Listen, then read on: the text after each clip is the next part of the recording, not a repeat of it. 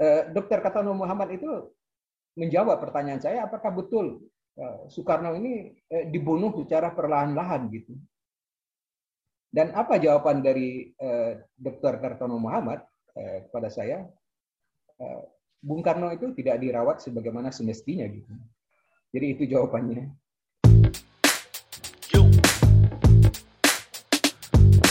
Negara demokrasi penuh dengan histori, berbagai cerita kadang masih jadi misteri. Sejuk sejarah unik kompas dengan berisi mengupas tuntas dengan lepas.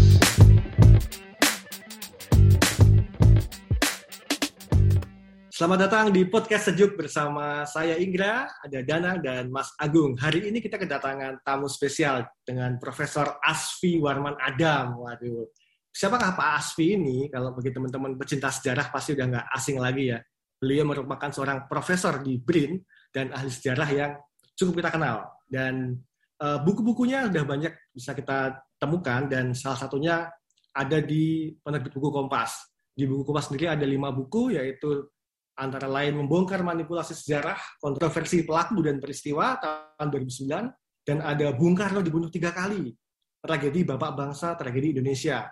Ada juga buku Menguak Misteri Sejarah, Menyingkap Tirai Sejarah Bung Karno dan Kemeja Arau, dan ada Malwi Sailan, Penjaga Terakhir Soekarno, dan tahun 2015 ada Melawan Lupa, Menepis Stigma Setelah Pahara. Banyak sekali bukunya. Benar sekali, bro. Jadi, dari buku-bukunya Pak Aswi Warman Adam yang tadi, terutama yang judulnya Soekarno dibunuh tiga kali, ada bagian yang menjelaskan tentang proses lengsernya kekuasaan Soekarno sebagai presiden.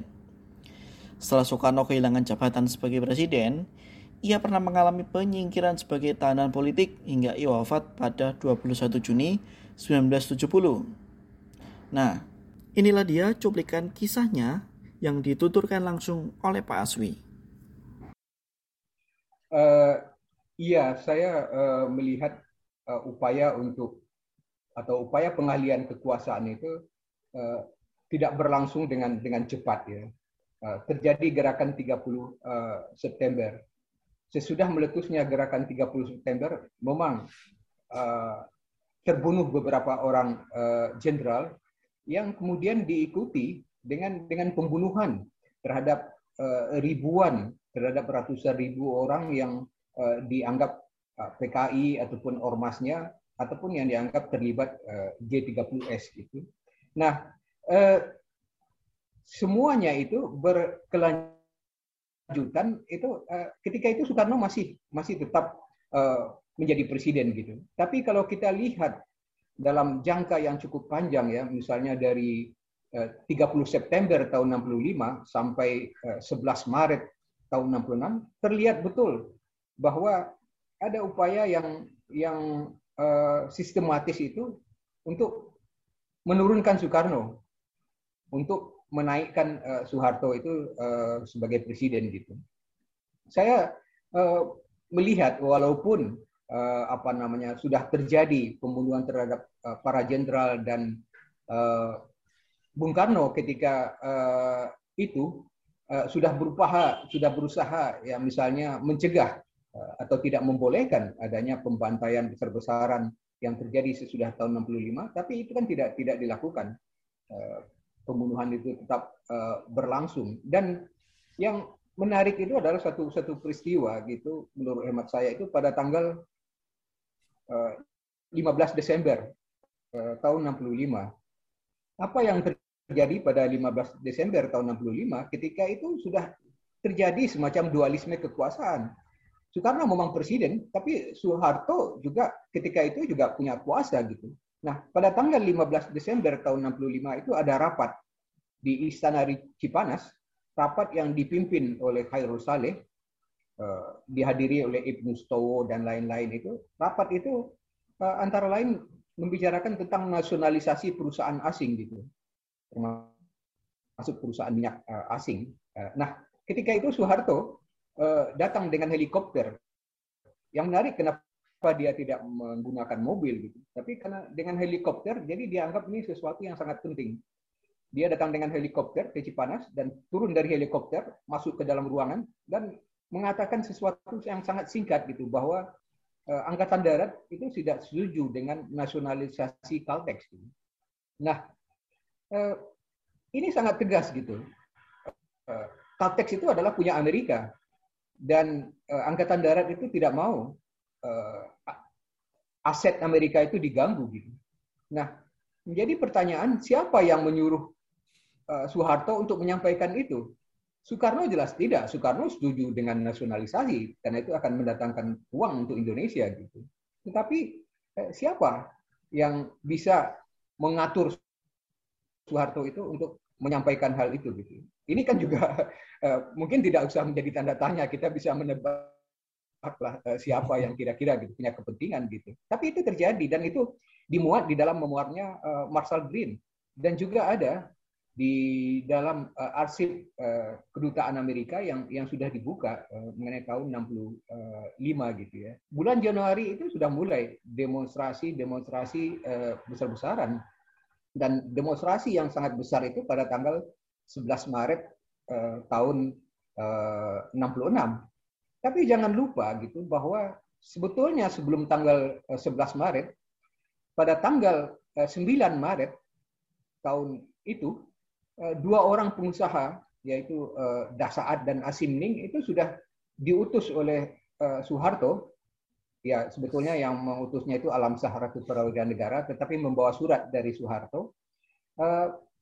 Kedua pengusaha yang dekat dengan Bung Karno itu Dasaat dan Asimning itu menemui Bung Karno ke Bogor di Istana Bogor dan meminta Bung Karno itu supaya tetap menjadi presiden tetapi kekuasaan sehari-hari diserahkan kepada Soeharto.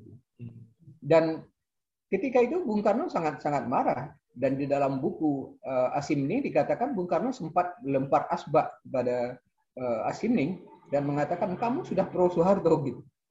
Jadi artinya itu ditolak.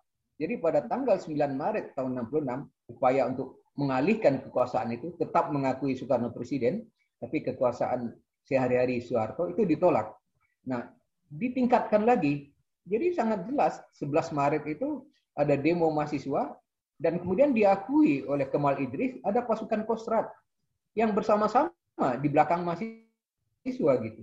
Nah itu kan yang menyebabkan uh, ketika itu uh, para pengawal Cakrabirawa itu mengatakan ada pasukan yang tidak dikenal yang juga ikut gitu sehingga Bung Karno merasa bahwa ini berbahaya sehingga pada tanggal 11 Maret itu Bung Karno di dalam setelah atau sedang sidang kabinet itu buru-buru uh, ke Bogor dengan naik uh, helikopter misalnya gitu. Itu juga terlihat betul bahwa uh, upaya itu dilakukan secara uh, bertahap sistematis dan pada tanggal 11 Maret kemudian ada tiga orang jenderal yang uh, ikut rapat kemudian menemui Soeharto dan kemudian ditugaskan uh, apa ya uh, ke istana uh, di Bogor dan kemudian kita tahu bahwa itu menghasilkan atau keluar uh, surat uh, perintah uh, 11 Maret itu.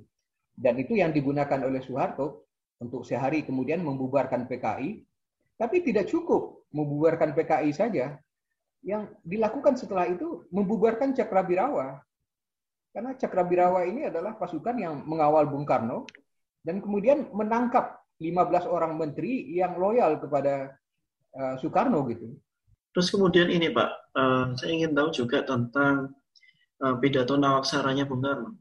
Ketika bulan Juni tahun 67 itu kan uh, diminta untuk untuk memberikan laporan pertanggungjawaban kepada MPRS, tapi kemudian ditolak.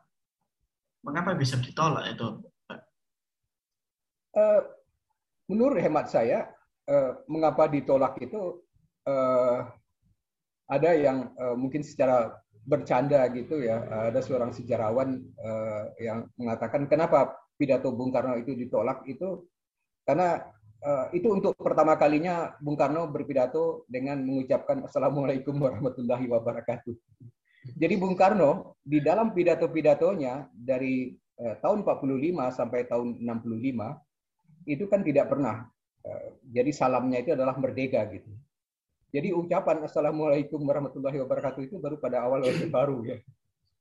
Dan Bung Karno juga ikut ketika itu menyampaikan uh, memulai apa namanya itu dengan itu. Tapi ini bukan itu ya sebetulnya alasannya. nah, alasan uh, yang jelas itu karena memang uh, memang sudah ada rencana untuk menolak gitu. Jadi itu hanya alasan saja, alasan karena tapi di dalam Noaksara itu sangat-sangat jelas menurut hemat saya uh, pandangan Bung Karno uh, tentang G30S itu bahwa G30S itu adalah pertemuan dari uh, tiga hal gitu. Yang pertama kebelingernya pimpinan PKI. Dia mengakui tapi bukan hanya PKI sebagai sebuah organisasi ya secara keseluruhan, tapi ada pimpinan PKI yang yang keblinger, yang kebablasan gitu. Kemudian ada subversi nekolim, ada unsur asing di situ. Dan kemudian yang ketiga, eh, ada oknum tidak bertanggung jawab. Eh, dia tidak menyebut eh, jenderal ataupun tentara yang tidak bertanggung jawab, tapi oknum yang tidak bertanggung jawab. Dan ketiga itu yang yang melahirkan G30S. Eh, memang tujuannya ataupun desakannya itu memang untuk membuat Soekarno mundur karena Nawaksara itu kemudian diminta di pelengkap Nawaksara jadi diulang lagi tapi kan itu jelas sangat apa ya menghina Bung Karno karena apa karena dia sudah jelaskan pandangannya tentang alasan-alasan uh, itu tapi ya kalau memang keinginan dari uh, anggota DPR uh, parlemen pada saat itu memang untuk menjatuhkan Bung Karno. Karena apa? Karena tuntutan DPR itu bukan hanya itu ya. Tuntutan DPR itu untuk Bung Karno itu mundur itu karena menyebabkan uh, apa namanya itu kebobrokan moral bangsa gitu dan kemudian melanggar syariat Islam. Nah, yang menjadi pertanyaan itu apa syariat Islam yang di, di, dilanggar oleh Bung Karno dan apakah itu alasan untuk menjatuhkan presiden gitu? Eh, bahwa Bung Karno mempunyai istri eh, lebih dari satu orang itu iya gitu. Tapi kan itu apa itu bisa menjadikan alasan untuk eh, menjatuhkan dia sebagai presiden. Nah, kebobrokan moral bangsa itu apa ukurannya gitu? Itu kan tidak tidak jelas juga. Ya, tapi kan tujuannya kita tahu ya tadi dalam rangka ya mengalihkan kekuasaan dari Soekarno kepada Soeharto gitu.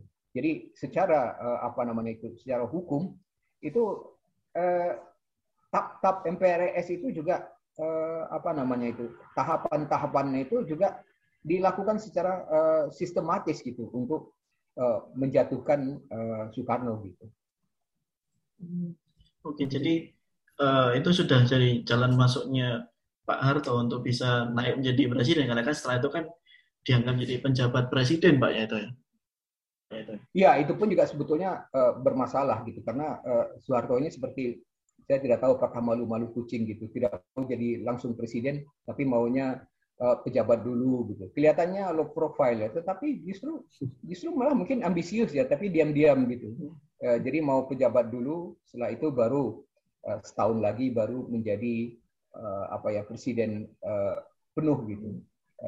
Jadi terkesan gitu beliau itu seperti ya tadi low profile jadi maunya pejabat dulu tapi apa yang dilakukan itu secara sistematis itu sudah mengurangi kekuasaan Bung Karno tapi juga menyingkirkan Bung Karno hal ini kan terlihat dalam uh, apa yang terjadi uh, menjelang kematian Soekarno ketika Bung Karno itu harus keluar dari istana kemudian uh, tidak dikatakan ditahan di uh, Wisma Yaso. Tetapi kenyataannya tidak ditemui oleh orang lain, itu kan sama saja dengan ditahan, tidak boleh ditemui oleh rakyat gitu. Apa yang menjadi uh, apa namanya itu alasan memperlakukan apa ya kondisi seperti itu? Itu sebetulnya TAP MPRS nomor uh, apa ya 33 tahun 67 gitu. Jadi TAP MPRS nomor 3 3 atau 67 itu adalah pengalian kekuasaan dari uh, Soekarno kepada Soeharto. Tetapi di situ juga ada ketentuan bahwa Bung Karno itu tidak boleh melakukan kegiatan politik sampai pemilihan umum yang berikutnya. Nah, tidak boleh melakukan kegiatan politik itu artinya tidak boleh bertemu rakyat. Kalau Bung Karno bertemu rakyat itu dianggap melakukan uh, apa namanya itu uh, kegiatan politik itu. Itulah sebabnya ketika Bung Karno di Bogor, dia ke Jakarta, dia harus mendapatkan dua surat uh, keterangan dari Pangdam Siliwangi untuk keluar dari dari apa namanya Jawa Barat dan kemudian untuk masuk uh, DKI itu harus dari Pangdam Jaya. Jadi dibutuhkan dua surat untuk Bung Karno berpergian dari Bogor uh, sampai ke Jakarta misalnya gitu. Itu dilakukan terhadap uh, seorang mantan presiden ya. Ya, ya Pak, kita kan juga pengen tahu cerita soal wafat wafatnya Bung Karno ya waktu itu.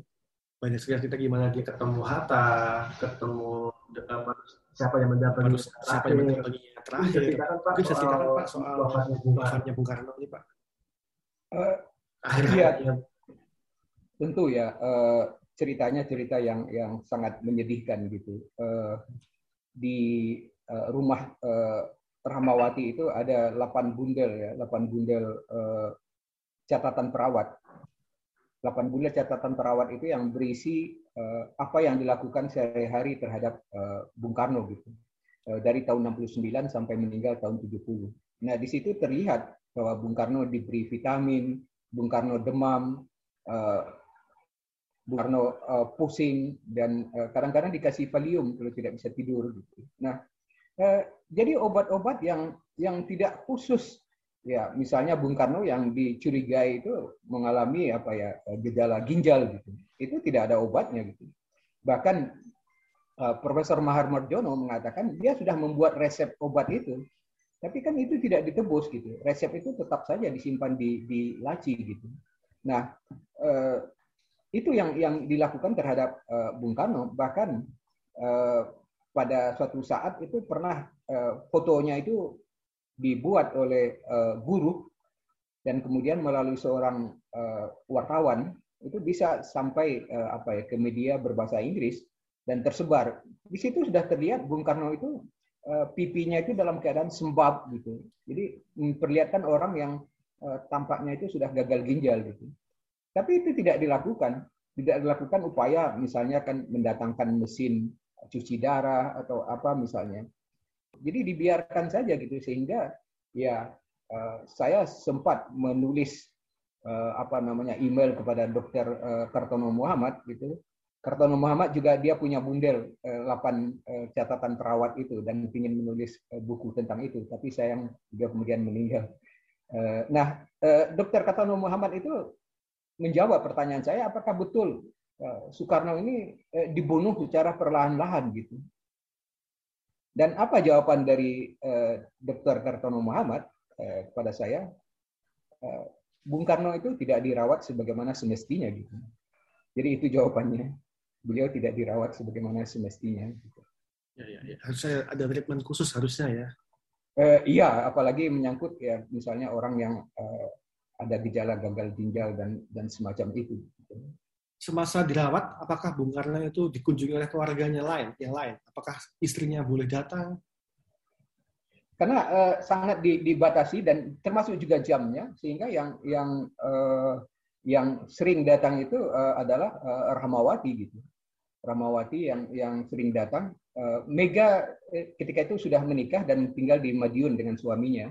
Jadi uh, Rahmawati yang yang yang uh, termasuk sering gitu uh, datang berkunjung gitu. Tetapi ya keadaan Bung Karno itu kan sudah sangat sangat uh, menyedihkan gitu. Uh, apa namanya itu uh, beliau juga uh, pernah minta apa ya uang untuk keperluan sehari-hari di di situ gitu misalnya gitu. Jadi yang menarik juga itu uh, bukan yang menarik ya, yang menyedihkan juga itu uh, Soekarno itu kan presiden tanpa pensiun.